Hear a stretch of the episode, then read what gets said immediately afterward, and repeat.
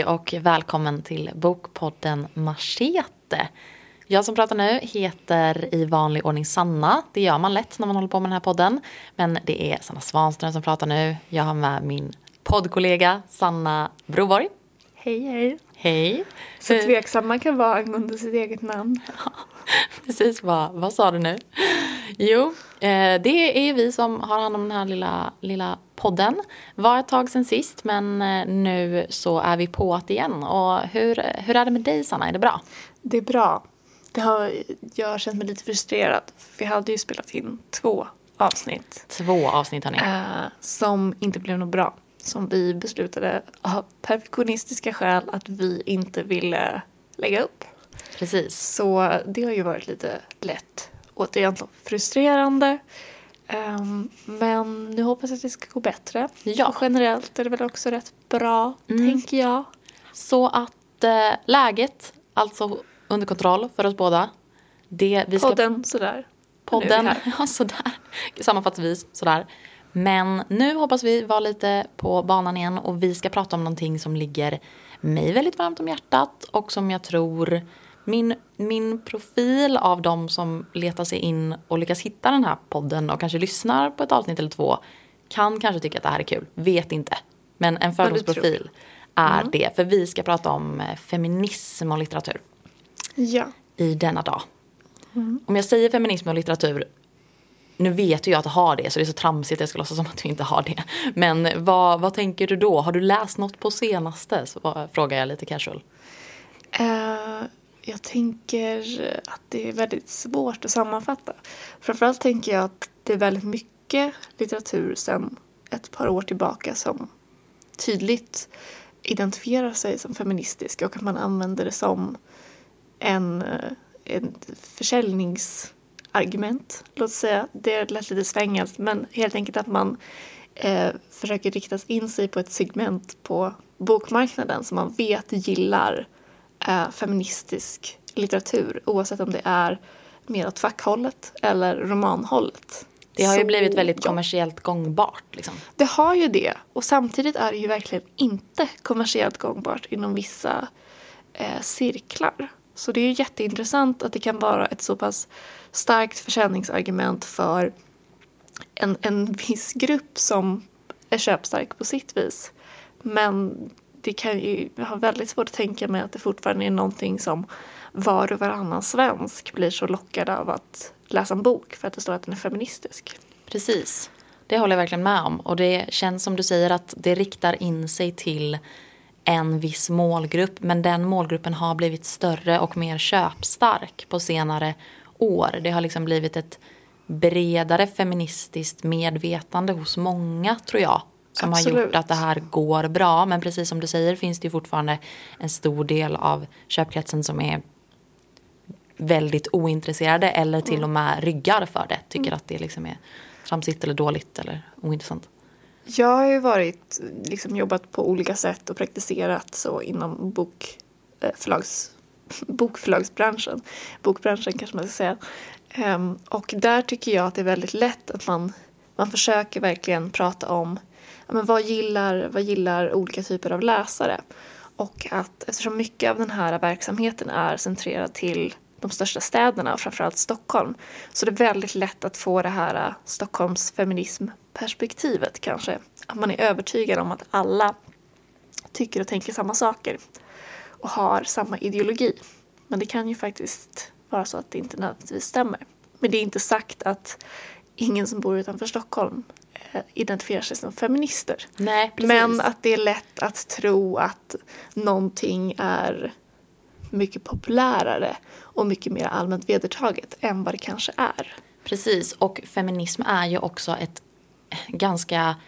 Det finns ju olika typer av feminism som olika, beroende på vad du har för politisk ideologi i dig själv sen innan, påverkar det ju säkert din syn på hur du ser på feminism. Precis. Och det finns inte en, jag kan svära på det, det finns inte en enda feministisk bok, uttalat feministisk bok, som inte börjar med feminismen har fått så dåligt rykte. Vi måste Vi måste omdefiniera här, vad så här." feminismen är för att folk ska förstå. Och man måste hela tiden börja med den här äh, tydliga definitionen. Eftersom det som, som de säger att det finns det man kommer aldrig riktigt vidare i diskussionen. Man måste alltid ta definitionen allra först. För att det finns så många olika uppfattningar av vad det egentligen är. Precis. Och om, om vi pratar om, om vi börjar med facklitteratur då. Mm. Så har ju det som sagt blivit en, en ganska stor grej. Jag kan se från den bokhandeln där jag jobbar så eh, har vi liksom ett feministbord nästan med både skönlitteratur och facklitteratur. Mycket av det vi har på fack är den typen av böcker som handlar om feministiska frågor eller som är ett exempel på en bok som jag tänkte ta upp. En bok som utger sig för att handla väldigt mycket om feminism men som jag personligen inte tyckte gjorde det så himla mycket. Och det är eh, Not That Kind of Girl med, eh, av Lena Dunham. Ah, okej. Ja, hon är ju på något vis...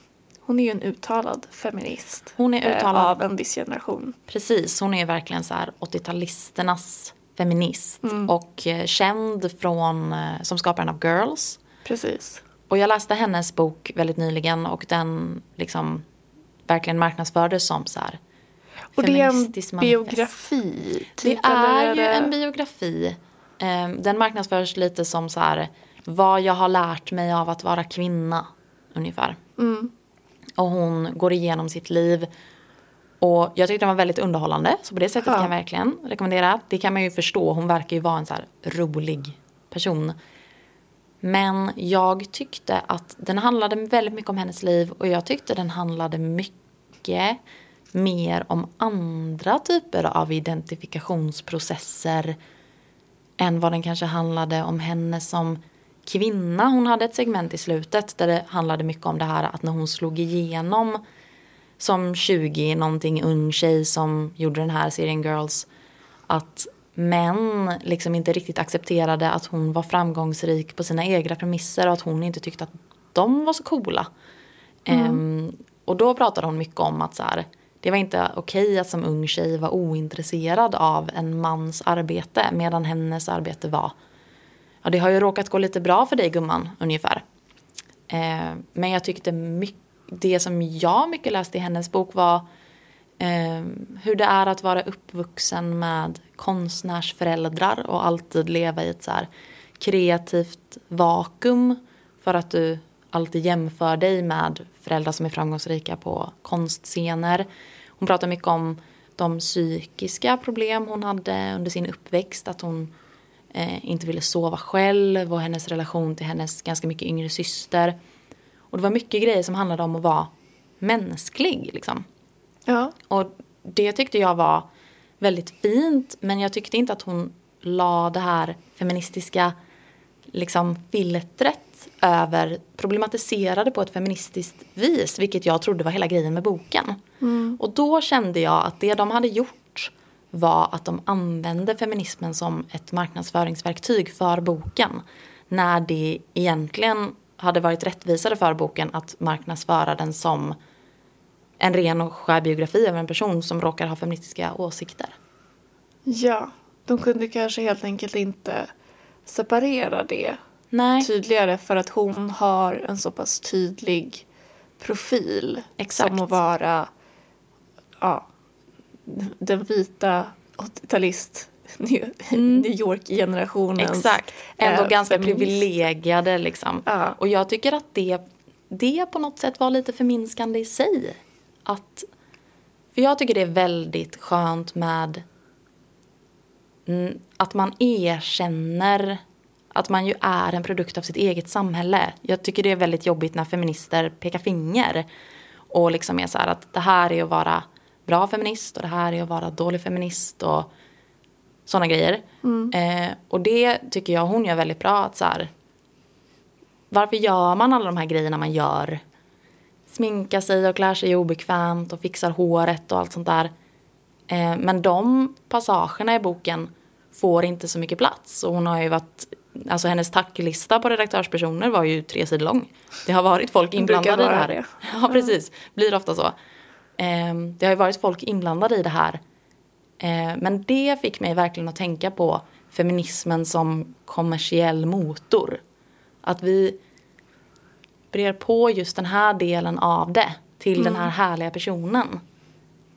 Och då, då tyckte jag att det kändes lite som att jag blev lite lurad på konfekten. Kände jag. Jag fick lära mig jättemycket om Lena Dunham. Jag tyckte den var rolig, intressant. Men jag tyckte inte att det var så mycket feminism i den liksom. Borde vi definiera vad det är vi pratar om? Eller anser vi att våra lyssnare har koll på det här? Ja, vad tror du?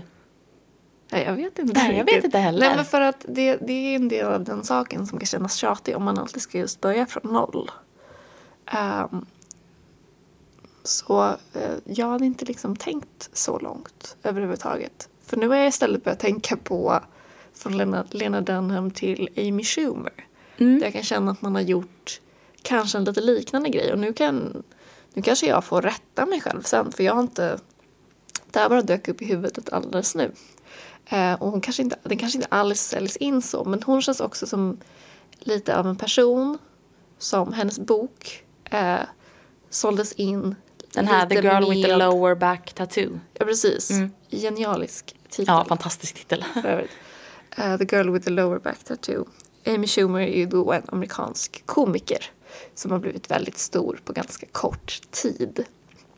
Eh, och är kvinna i en rätt mansdominerad bransch när det gäller den här storleken och så. Och hon har också skrivit en bok som är lite blandade egna erfarenheter. Det är ju inte en renodlad biografi från A till Ö utan som sagt, det är ett eh, humoristiskt hopkok av berättelser. Mm. Och den upplever jag också att den lite marknadsförs kanske till den här samma, till samma läsaren, den medvetna medvetna feministläsaren fast samtidigt som man lite gillar underhållning, populärkultur. Exakt. Inte, en, inte den akademiska feministiska Nej. läsaren. Utan så. Och där är samma sak. Att, vilket jag tycker hon gör rätt i. Att hon berättar ju liksom sin livshistoria. Hon berättar om blandade erfarenheter, livet, sin pappas MS. eh, Massa dumma saker om sex och vara full. Liksom. Men också om en före detta pojkvän som var eh, våldsam och väldigt obehaglig. Så på vissa, vi- vissa av de ämnena är ju saker som ofta tas upp, kanske särskilt det här sista då, eller sexualitet eller liknande, i feministiska nyckeltexter typ. Men den är också lite, det är ju inte på något vis en bok som försöker framföra en, en eh, egen kritisk ståndpunkt. Precis. Utan det är lite det där glida på att nej men, jag tycker att det borde vara jämställdhet mellan män och kvinnor. Eh, och eh, glida på. Som att det Ja. skulle vara fel. Det är ju jättebra. Men bara att eh, den, den får på något vis eh, det ordet, att man använder det för att, som du säger, ja, sälja in det lite. För att man vill nå en viss publik, tänker jag. Jag tänker också det. Och här tror jag att vi också blir lite offer för en översättarmiss på det sättet. Inte så rent språkligt, men feminism i USA är inte riktigt samma sak som feminism i Sverige eller feminism någon annanstans heller. Men jag tror att i USA kanske det går att sälja in de här böckerna mer som att de är väldigt feministiska. För att i USA finns det en större bredd på åsikter vad gäller till exempel hur konservativa man är. De har ju fortfarande ett system där det ofta är så att det är helt självklart att kvinnan tar hand om barn och hushåll eh, och inte förvärvsarbetar. Eh, där de har mycket hårdare lagstiftning kring abort. Där det är kontroversiellt med sex innan äktenskapet på ett sätt som det generellt inte är i Sverige.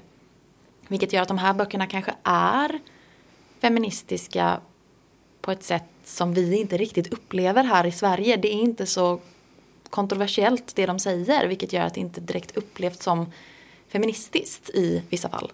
Sen kommer ju i alla fall eh, Lena Damham kommer ju från en väldigt liberal miljö. Men jag tänker ändå att det kan hända någonting där som gör att vi tycker att det inte riktigt är så vast för att vi har inte riktigt samma eh, förståelse och horisont för vad det är att så här, uttala sig feministiskt. Liksom. Jag tror att det stämmer att eh, USA absolut är de stora kontrasternas land. Att det finns den superliberala, hippa Brooklyn-feministen och personer som inte alls menar att eh, män och kvinnor ska ha samma rättigheter eller transpersoner eller vad som helst för den delen. Liksom. Men jag tror att vi ofta överskattar hur förstående Sverige skulle vara. Sverige är också ett land som på många ställen är väldigt segregerat. Eh, och där Absolut. det finns stora kontraster och så. Och det är nog svårt för oss att se utanför vår faktiskt vår akademikerbubbla som vi ändå har befunnit oss i jättelänge. Där nästan alla våra gemensamma bekanta har vad vi anser ju då är vettiga åsikter men mm. man tycker väldigt lika. Mm. Um, och uh, jag vet inte, att det, det är nog lätt att, det är lättare att säga en sån sak om att ett, att ett land är på ett speciellt vis när det gäller någon annan. Medan mera här tycker jag att man kan försöka vara, ja, jag vet inte ens vad jag försöker säga. Att uh, jag tror att det är svårt att generalisera allt för mycket. Så du tror att så här, feminism är värt lika, alltså jag, jag vill säga emot dig det för att jag tänker ändå att så här, jag, jag tänker ändå att USA det är ändå så mycket saker som är så självklart i Sverige. Det är inte konstigt. Det är klart att det finns diskussion om aborträtt till exempel. Men det finns ju inget politiskt parti i Sverige som är på en högre nivå som vill totalförbjuda abort. Till mm. exempel. Medan det vill ju stora delar av den amerikanska högern. Liksom. Inom republikanerna så är ju det ofta målet att totalförbjuda abort. Och lever man i ett sånt land där såna stora skillnader finns så tror jag att det påverkar eh, hur man ser på feminism. Och jag tror inte det behöver ha med utbildning att göra. För att det finns ju folk som är superutbildade som inte tycker att man ska få göra abort eller inte tycker att homosexuella ska få gifta sig.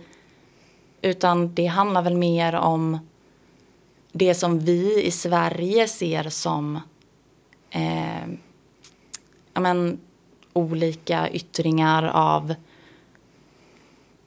socialistisk politik. Eller i vissa fall feministisk också.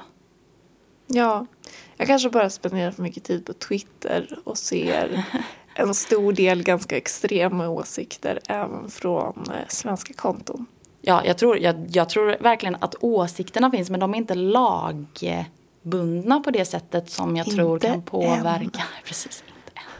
Som jag tror Valår, ändå kan påverka marknads, mm. marknadsföring eh, i hur man ser på att jo men vi kan sälja det här. Men sen så kan man till exempel säga att eh, Roxane Gays bok Bad Feminist är ju mer akademiskt grundad och för ju längre, även om det är en essäsamling, för den ju liksom långa resonemang om eh, vad feminism är och mer på den akademiska nivån hela tiden. Den har ju gått jättebra överallt där den har varit. Liksom. Så att, eh, det var den ena saken jag tänkte på. Och den andra saken jag tänkte på var att jag tror att den här kommersialiseringen eh, också märks tydligare när man är i det, precis som du sa förut. Mm. Att vi märker ju det här för att vi kanske själva har intresset. Medan ja. andra säkert inte har märkt överhuvudtaget att det skulle vara någon, någon mer feministisk ja. eh, litteratur som kommer ut eller sådär. Men om man ser till exempel den bokhandeln jag handlar i är ju en kommersiell bokhandel. Där mm. finns det ju flera titlar som mer eller mindre renodlat handlar om feminism. Så tror inte jag att det var för det räcker nog att gå tillbaka 5-10 år i tiden. Mm. Så var det nog inte alls lika vanligt. Men om eh, Dunham och Schumer är lite så. Eh, ja, de är väl absolut feminister. Har jag för mig att, jag att även eh, Amy Schumer säger. Men eh, att vi tycker att det kanske inte är det primärt att deras böcker handlar om. Vad finns det då för böcker som är feministiska? Alltså jag tycker verkligen att de böckerna är feministiska. Men för det som också ofta är feminism och som hyllas av vissa och hånas av andra är ju eh, det privata är politiskt. Och då är det politik och feminism att prata utifrån sina egna upplevelser. Eh, så jag ifrågasätter inte att det finns feministiska element i de här böckerna men att man trycker så hårt att det skulle vara världsomvälvande feministiska åsikter som framförs. Eh, och problematiseras och stöts och blöts. Men det, det är säkert inte det de vill uppnå heller. Nej. De vill mer berätta om sina liv och ge lite infallsvinklar på det. Och i ärlighetens namn blir väl det ganska mycket roligare att läsa. Lättare att läsa. Mer tillgängligt för folk som inte har läst eh, liksom feminism eller genusvetenskap på universitetsnivå. Så det är verkligen inget... Inte orka läsa Judith Butler. Nej, och precis. Eller Med flera. Simone de Beauvoir, typ. Och det är verkligen inget fel i det, men jag tycker det har varit intressanta diskussioner på Instagram till exempel. Om att så stora feministiska profiler som har, som har konton på Instagram, att de mm, berättar vad de har på sig för kläder och att folk frågar var du köpt den där grejen. För att de i sin feminism vill vara antikapitalistiska. Inte vill uppmuntra till konsumtion. Och det kan jag tänka lite på för att till exempel så finns det klädkedjor som har så här girls rule, feminist, alla sådana där grejer. Och då känns det som att de kanske lite rider på en eh, våg av medvetenhet. Som ja, att de använder det för utnyttjas att, kapitalistiskt. Liksom. de använder det för att sälja. De Precis. har inget egentligen, de har ju liksom ingen, inget aktivistiskt intresse utan de vill ju sälja t-shirts. Precis. Och då så känns det som att med både Lena Dunham och Emmy Schumer kanske det är så att de fick en självbiografi med vissa feministiska element. Men det kränger ännu bättre om vi trycker på det. Och då får den kanske också mer uppmärksamhet för att de som inte gillar det, alltså det blir mer klick i en artikel om att nu kommer Lena Dunhams feministiska bok. Än om här kommer hennes självbiografi. Eller en kombination Fast av de två. utan att den är egentligen, den, den är precis lagom radikal. Ja men precis. För att passa Den- så många som möjligt. Den är Exakt. lite mellanmjölkig. Ja, den utmanar inte konventionerna något sådär fruktansvärt mycket. Utan, ja, mellanmjölk. Lite så. Ja.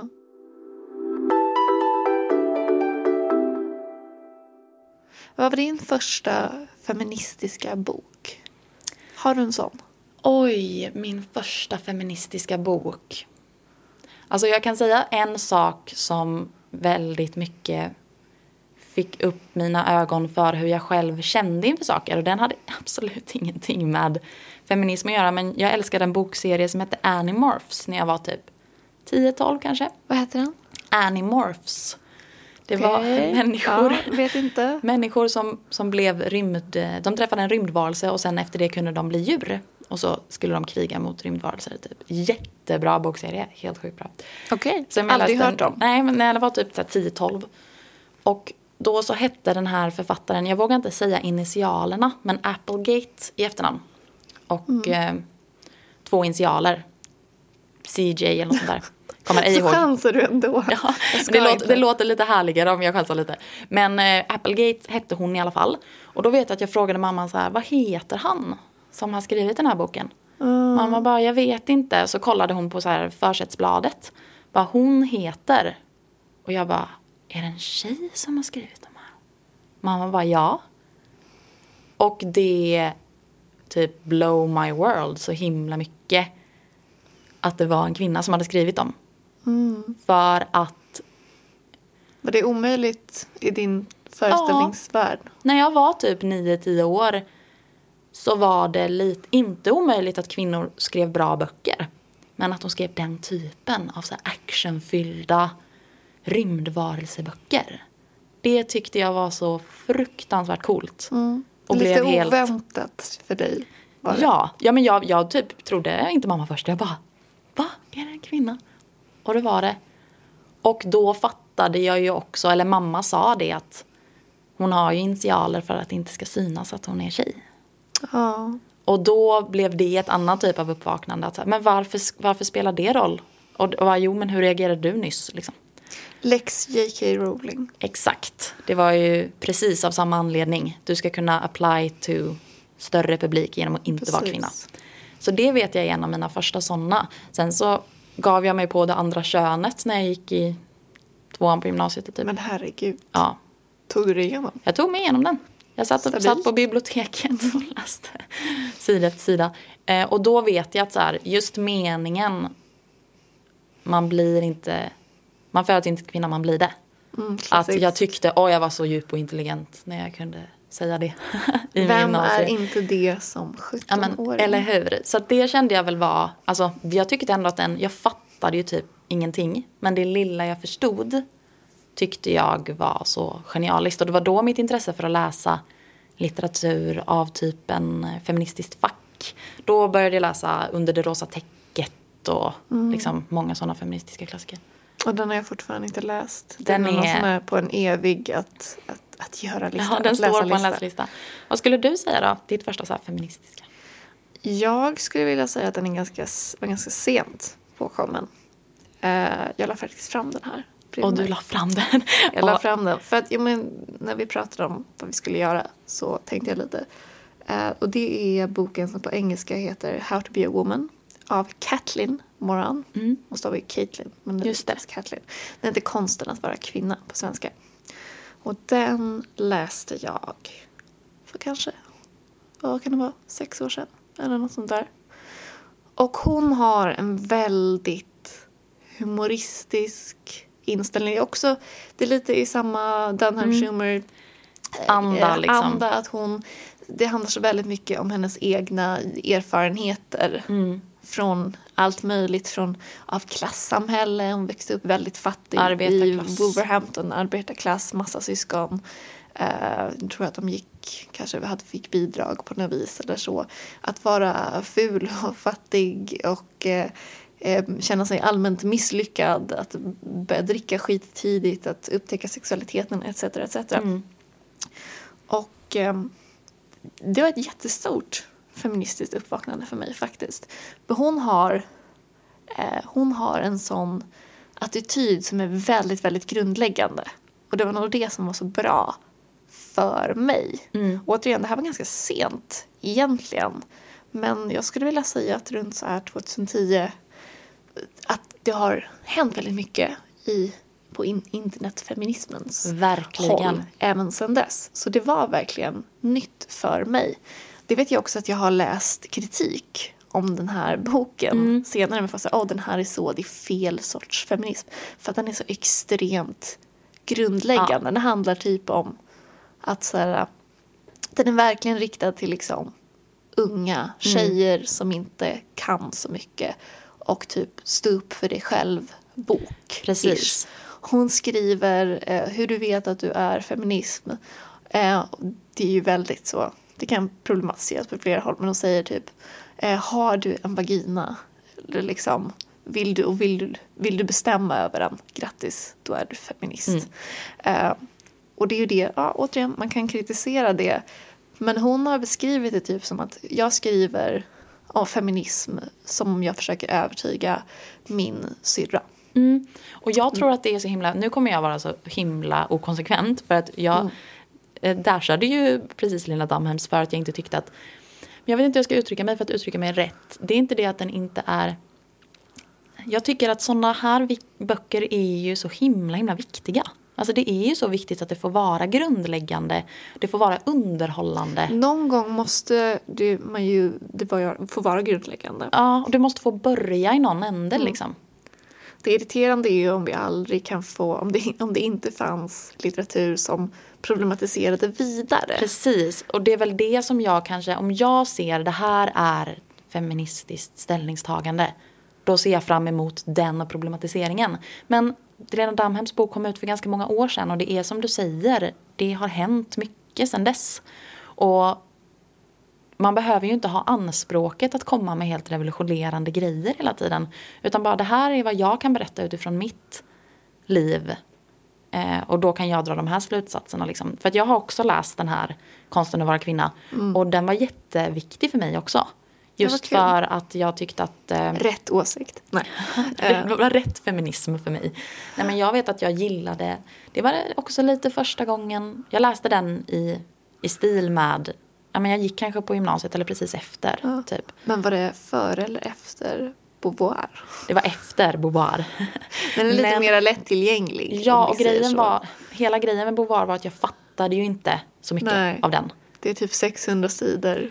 Eller hur? Jag, jag så här förstod så himla lite. Jag Jag tragglade mig, läst den, jag bara tittat på den och så, oh, herregud. jag, jag tragglade mig igenom den för att det var coolt och jag förstod väldigt lite. Men det jag förstod gillade jag väldigt mycket. Mm. Men där, jag förstod ju liksom Ja, konsten att vara kvinna. Jag kunde ta till mig det. Låter det som. Vad sa du? Den gav dig ändå någonting. Verkligen. Låter det som. Och jag tyckte att den var, det var nog en av de första gångerna som, för som du sa, hon pratade ganska mycket om klass. Så det blev lite intersektionalitet i det hela också. Ja, precis. Och det hade jag inte varit med om så mycket förut för att jag hade läst mycket. Antingen var det kanske lite mer akademiskt eller så var det utifrån ett hyfsat medelklassperspektiv. Liksom. Mm. Så att eh, ja, det, vi måste få vara grundläggande men vi måste också försöka ta diskussionen framåt lite. Mm. Och inte vara, inte vara så hårda mot varandra för att vi försöker. Men vara lite hårda mot de som försöker eh, profitera på feminism utan att vilja göra så mycket. Det man kanske ska försöka undvika är, tänker jag högt här, är att eh, kritisera någonting just därför att det, för att det är fel sorts feminism. Eh, vilket ju lätt ha, man hamnar i om man är så väldigt väl påläst. Liksom. Ja, men den här är dålig för att det är, den predikar fel budskap. Den har, eh, den har inte alla rätt. Vilket jag generellt upplever är ett problem inom den feministiska Kulturen, eh, liksom. kulturen är att det finns tyvärr många som mest är måna om att leta fel hos Mm. andra istället för att liksom utveckla sig eller så. Men det kan vara lätt att också kritisera den Mm. och den Det är just delen. det här probleme- problematiken igen. Att vi måste kunna få problematisera och kritisera. Men vi måste också försöka att inte vara så taskiga. Liksom. Ja, Men framförallt, det jag tror att jag tänkte säga var att jag tror att det är viktigt att man inte slår ner på någonting bara för att det inte är rätt för en själv. Att man måste kunna se att det här kan nog bidra med en viktig insikt för någon annan. Som exempelvis Kathleen Morans arbetarklass-syrra som är ensamstående med hur många barn nu var. Att det måste finnas röster även för dem och inte från dem som har blivit matade med liksom korrekt eh, ideologi från att de var väldigt, väldigt unga och så att säga då anser sig veta bäst. Precis. Eh, och sen så, så det, vi har ju ändå en, ändå en marknad. Det finns ju utrymme för olika sorters berättelser. Sen så tycker jag ju ur ett personligt perspektiv att det kan vara väldigt tröttsamt att höra samma saker om och om igen. Och, eh, vilket är väldigt motsägelsefullt återigen, jag tycker om att bli lite motsägelsefulla sådär. Att det är bra att höra de grundläggande sakerna om och om igen. För det påminner om så här, just det, det är samma skit hela tiden. Det är kvar det är, där. Det sker väldigt liten utveckling. Jag är fortfarande förbannad. Lite så. Men har du läst någon mera feministisk roman? För nu har vi ju pratat väldigt Precis. mycket om fack. Ja, och jag tycker det är jättespännande för att jag har tänkt mycket på vad det är som gör att en roman är feministisk. Ja, det är väldigt intressant. Det känns som en sån kulturessä, ämne eller krönika eller blogg. Eller. C-uppsats, eller inte ens det, B-uppsatsämne typ. Men jag, det är klart att böcker som utger sig för att vara, om de skrivs med intentionen att vara feministiska så finns det ju ofta något feministiskt att ta på. Men det som får mig att tänka på feminism det gör ju nödvändigt, nödvändigt, nödvändigtvis inte att boken är feministisk. Men det kan göra mer för mig än en bok som är uttalad feministisk. Till exempel eh, Carolina Ramqvists bok Flickvännen. Okej. Jag tror att Carolina Ramqvist är väldigt feministiskt medveten. Men huvudpersonen i den boken är en kvinna som är eh, tillsammans med en man som är kriminell. Okej. Yrkeskriminell och gör liksom stora olagliga saker. Mycket pengar, eh, mycket knark och vapen. Och de bor väldigt fint men deras tillvaro är väldigt osäker. För när han försvinner för olika grejer så vet hon inte när han kommer tillbaka. Om han kommer tillbaka. Lyckas han råna den här värdetransporten? Eh, Vilken kul typ. Ja, det är väldigt så dramatisk tillvaro. Men man får följa henne när hon går runt i deras superlyxiga hus. Det är en jätte, jättebra bok, rekommenderar den verkligen. Och hon vill ingenting annat i världen än att vara hans flickvän. Det är liksom, hon är så nöjd med att vara, hon är inte ens hemmafru för hon behöver typ aldrig göra någonting i hemmet. Utan hon kan ut och springa, hänga med sina kompisar, knarka lite, köpa snygga dyra kläder. Och hon är så nöjd med den tillvaron. Och hennes syster och mamma vill inte att hon ska vara ihop med den här mannen av liksom förklarliga skäl. Även, ja, även om de inte riktigt vet liksom hur illa det är eller hur, hur olagliga verksamheten håller på med. Men de problematiserar det för henne. Och säger det att så här, vill du inte plugga? Vill, du inte, vill inte du göra någonting med ditt liv? Och hon, hon vill verkligen inte det. Hon, Hon har, vill, hon vill definiera sig utifrån honom. Precis. Hon vill bara bli omhändertagen. Det är Ja. hennes mål. Och hon har, hyser inte liksom några större ambitioner att, att bli mamma eller skapa familj eller ta hand om någonting själv. Utan hon vill väldigt mycket bli omhändertagen och finnas där för honom som hon älskar väldigt mycket. Och den fick mig att tänka på feminism så otroligt mycket just därför att hon säger då till sin mamma och sin syster att är inte feminism att jag får göra som jag vill? Är inte feminism att jag får känna så här och göra det här valet och leva så här? Varpå de säger jo men det är konstigt att du vill det och då, Precis, men det du vill är, det känns fel. Precis, det känns, det känns inte som att du borde vilja leva så här. Och det tyckte jag var jätte, satte igång jättemycket spännande tankar. Liksom. Och jag tycker det är väldigt roligt när böcker... Som, för att om det finns en uttalad feministisk tanke så är den oftast kanske ganska lätt att följa och man förstår vad författaren vill säga och sådär. Inte alla gånger, det är väldigt snyggt när det inte är så. Men när det kommer liksom från höften och man får deala med det från en annan vinkel. Då tycker jag att det är väldigt spännande. Också man hamnar där, man kan liksom ligga på kvällen och fundera över, ja vad, vad skulle jag själv säga? Om jag hade en kompis som resonerade så här. Skulle det vara så fel då? Om en kille resonerar så där. Alltså att man blir väldigt så fångad Det- i tankemönstret. Ja, precis. Det är väldigt tänkvärt. Och det är ju faktiskt det, eh, men som du, eller som, som eh, romanfiguren säger då. Att eh, ja, men är inte det här, är inte det faktiskt att jag ska få välja? Absolut. En stor del av kampen har ju varit att det ska inte handla om att man tvingas in i någonting utan att man faktiskt ska ha friheten att välja sitt eget liv. Sen så blir det ju liksom på något vis ur ett strukturellt perspektiv ganska problematiskt att hon väljer att försätta sig i en situation där hon är så beroende Precis. av någon annan.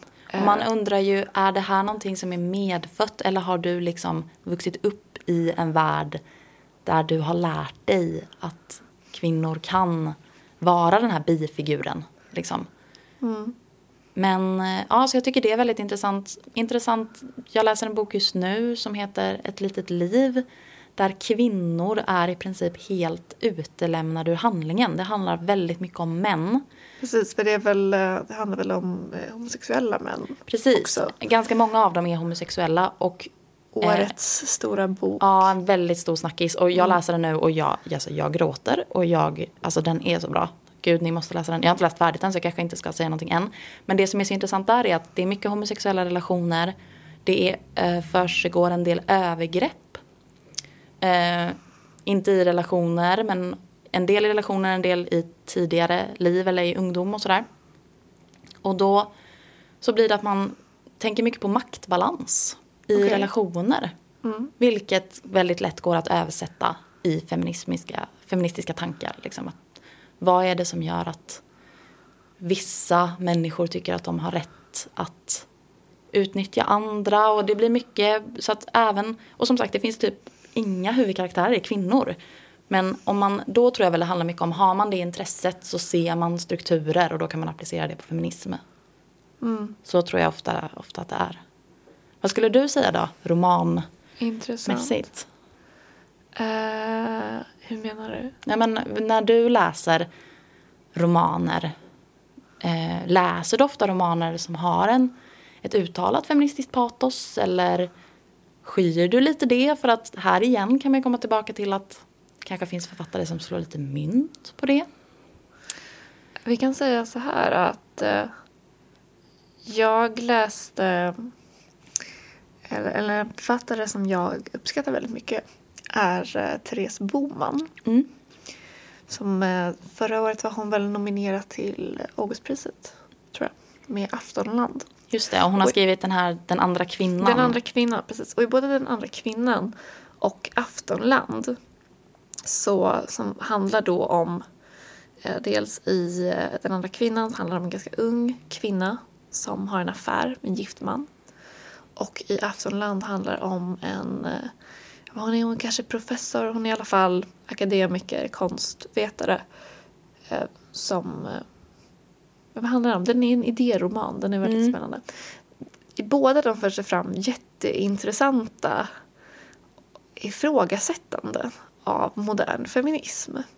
Som jag tycker är så sköna. Mm. För att jag har rört mig i samma kretsar på nätet och eh, bland vanliga människor och så. Och alla säger samma sak, alla liksom rapar samma budskap hela tiden. Och det är klart att jag håller med. Men ibland kan det bli väldigt tröttsamt. Och båda de här eh, protagonisterna har jätteintressanta eh, tankar om modern feminism. Och de är ganska ifrågasättande.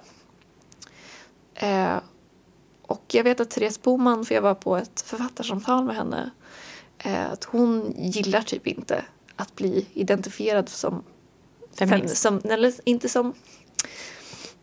Jag vet att hon inte gillar att hennes böcker ses som feministiska.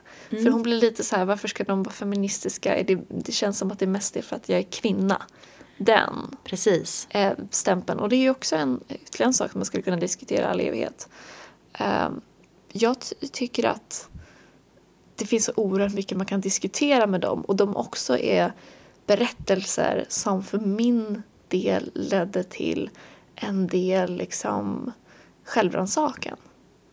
Så det, det, utan, att, utan att säga någonting mer så tycker jag att man, man ska läsa Mm. Therese Boman oavsett eh, vad man vill sätta för etikett Precis. på henne. För det finns För intressanta har, saker där. Hon, eh, om, om du är en cool, medveten feminist i 20-plus-åldern då kommer du bli lite chockad. Mm. Men förmodligen på ett bra sätt och tänkvärt sätt. Ja, och det är ju mycket det som man vill åt. För jag tänkte om man ska, vi ska sammanfatta den här romandelen. Att man vill bli lite utmanad och liksom go there on your own. Man vill komma läser vidare. någonting. Precis. Och då är det ju mindre du blir skriven på näsan desto bättre. Utan du vill bli utmanad i dina egna tankesätt eller fundera på saker som du trodde att du tyckte var självklara. Men så var de egentligen inte det.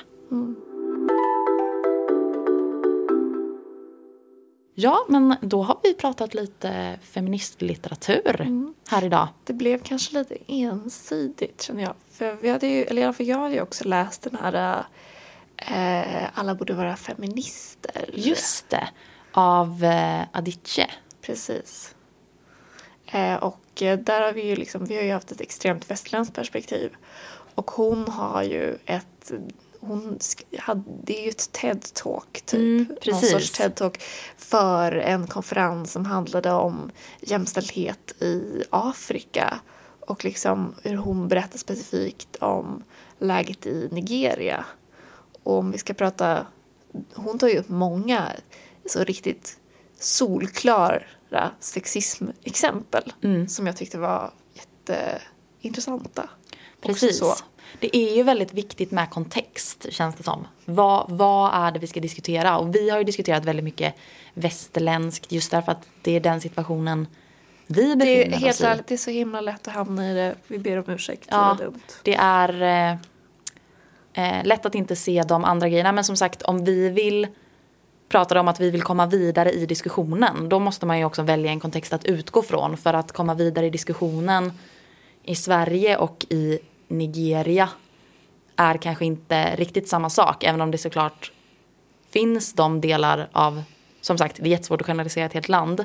Men att eh, det kan ju finnas mer eller mindre grundläggande feministiska problem att deala med i ett eh, land. Liksom. Precis. Jag vill ändå säga någonting, eh, någonting kort om den. det här är Mm, ju absolut. en superkort bok eftersom det är ett, eh, ett muntligt föredrag som liksom har skrivit ut. Och det är också en, bok som har, liksom gick ut till jättemånga gymnasieelever under vad var det, 2015, 2016 Mm, i det olika samarbeten, FN, kvinnojour, bla bla, Mm. förlaget.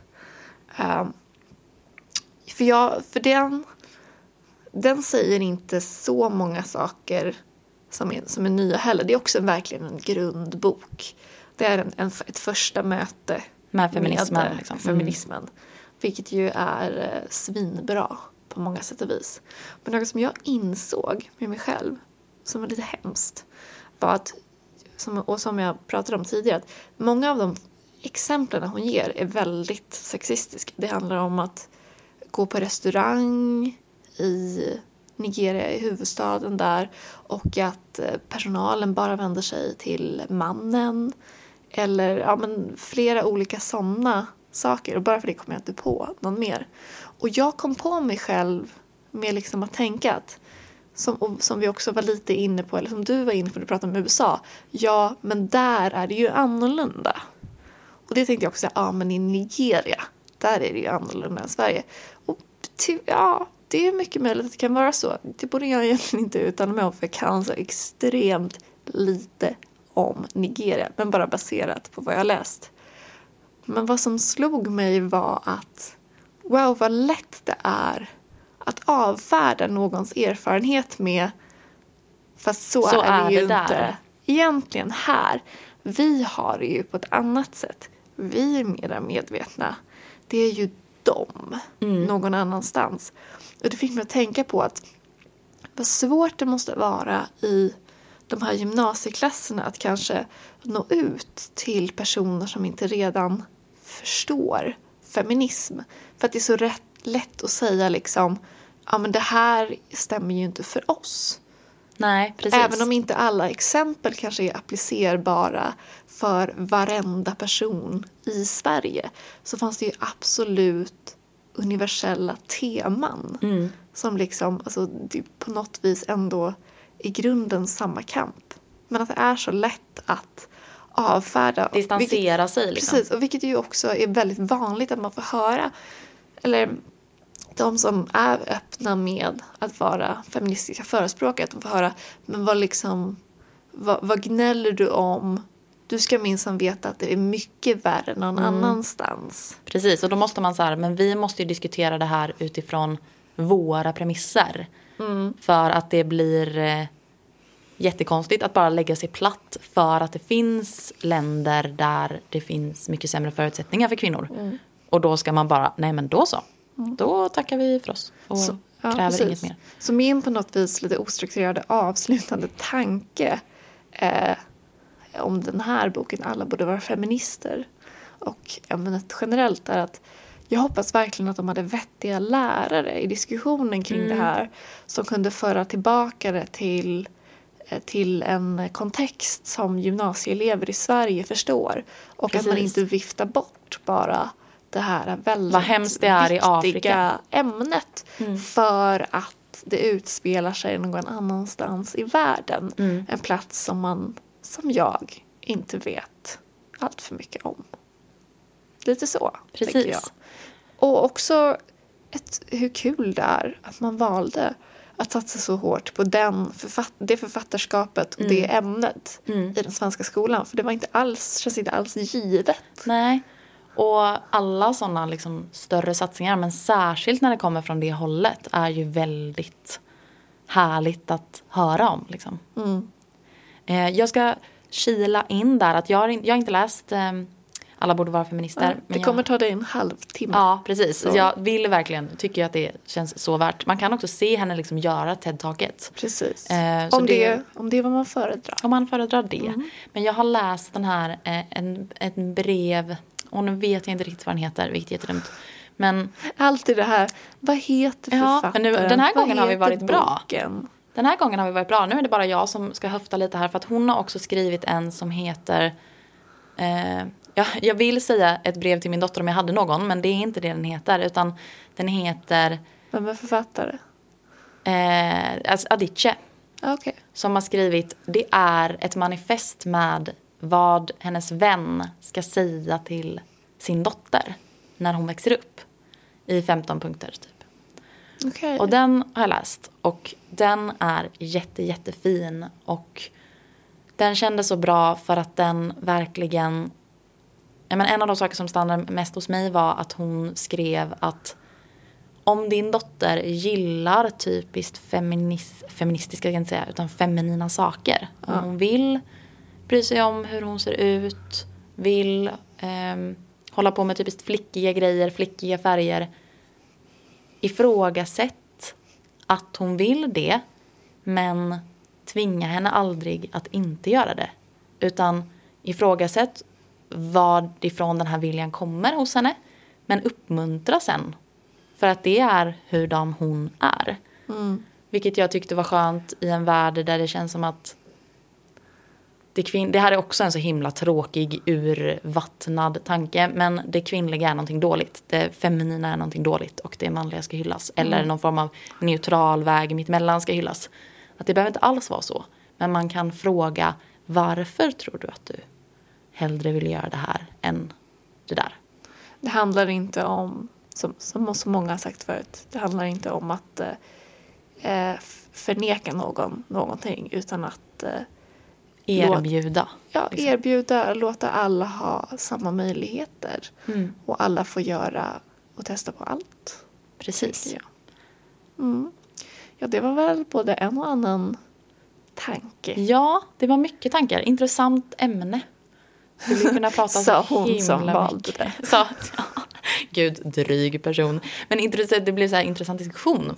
För att eh, som sagt, eh, det är många olika infallsvinklar att tänka på. Och mycket olika följdämnen som dyker upp. Precis. Och vi är väl medvetna om att det finns tusen andra Ja. saker som man också kunnat Vi hann ju bara ta upp en ytterpytte bråkdel liksom. Men det var väl ungefär det här vi hade kanske Ja. när det gäller detta. Ehm, vi finns på Instagram, det vet ni sedan gammalt. Där heter Precis. vi machete bokpodd. Yes, finns även i beskrivningen. Det är det för närvarande enklaste sättet att visa att ni gillar podden. Och för att kommunicera med oss, helt Precis. enkelt. Och eh, ja, det är Ja. du som ska få Det är säga jag som ska ava. så- Så jag ska säga att eh, ni får jättegärna kontakta oss där, det tycker vi är kul. Eh, Just nu så är det, vi har pratat om det här att vi har haft mycket jag gillar att översätta engelska uttryck och det är så dåligt så jag ska inte säga att vi har mycket på våra tallrikar men vi har haft ganska mycket på våra tallrikar. Och vi har haft lite problem med teknikstrul och sånt där. Så att eh, det har varit lite trögstartat nu i slutet av sommaren men håll öronen öppna så kommer det mer vart det lider. Och vi tycker det är jätteroligt om ni ger feedback eller kommenterar på vad vi gör, både bu och bä. Mm. Så tveka Fast inte att göra det. Vilket är positivt av bu och bä. Bu låter ju onekligen negativt. Bä låter inte så himla bra heller. Någon säger bä. Det är ett lamm. Det är Ja, det är, lite, det är lite gulligt. Men eh, vi ska också tacka Rasmus så jättemycket. Eh, Precis. I vanlig ordning för att han eh, fixar och styr och hjälper oss. Försökte rädda de här stackars misslyckade inspelade avsnitten. Men Mm. eh, det hade vi fipplat bort alldeles för mycket. Med vi menar jag jag. Det var jag som hade fipplat. Mm. Eh, men hörni, ha det gott så hörs vi nästa gång vi hörs. Det gör vi. Hej då.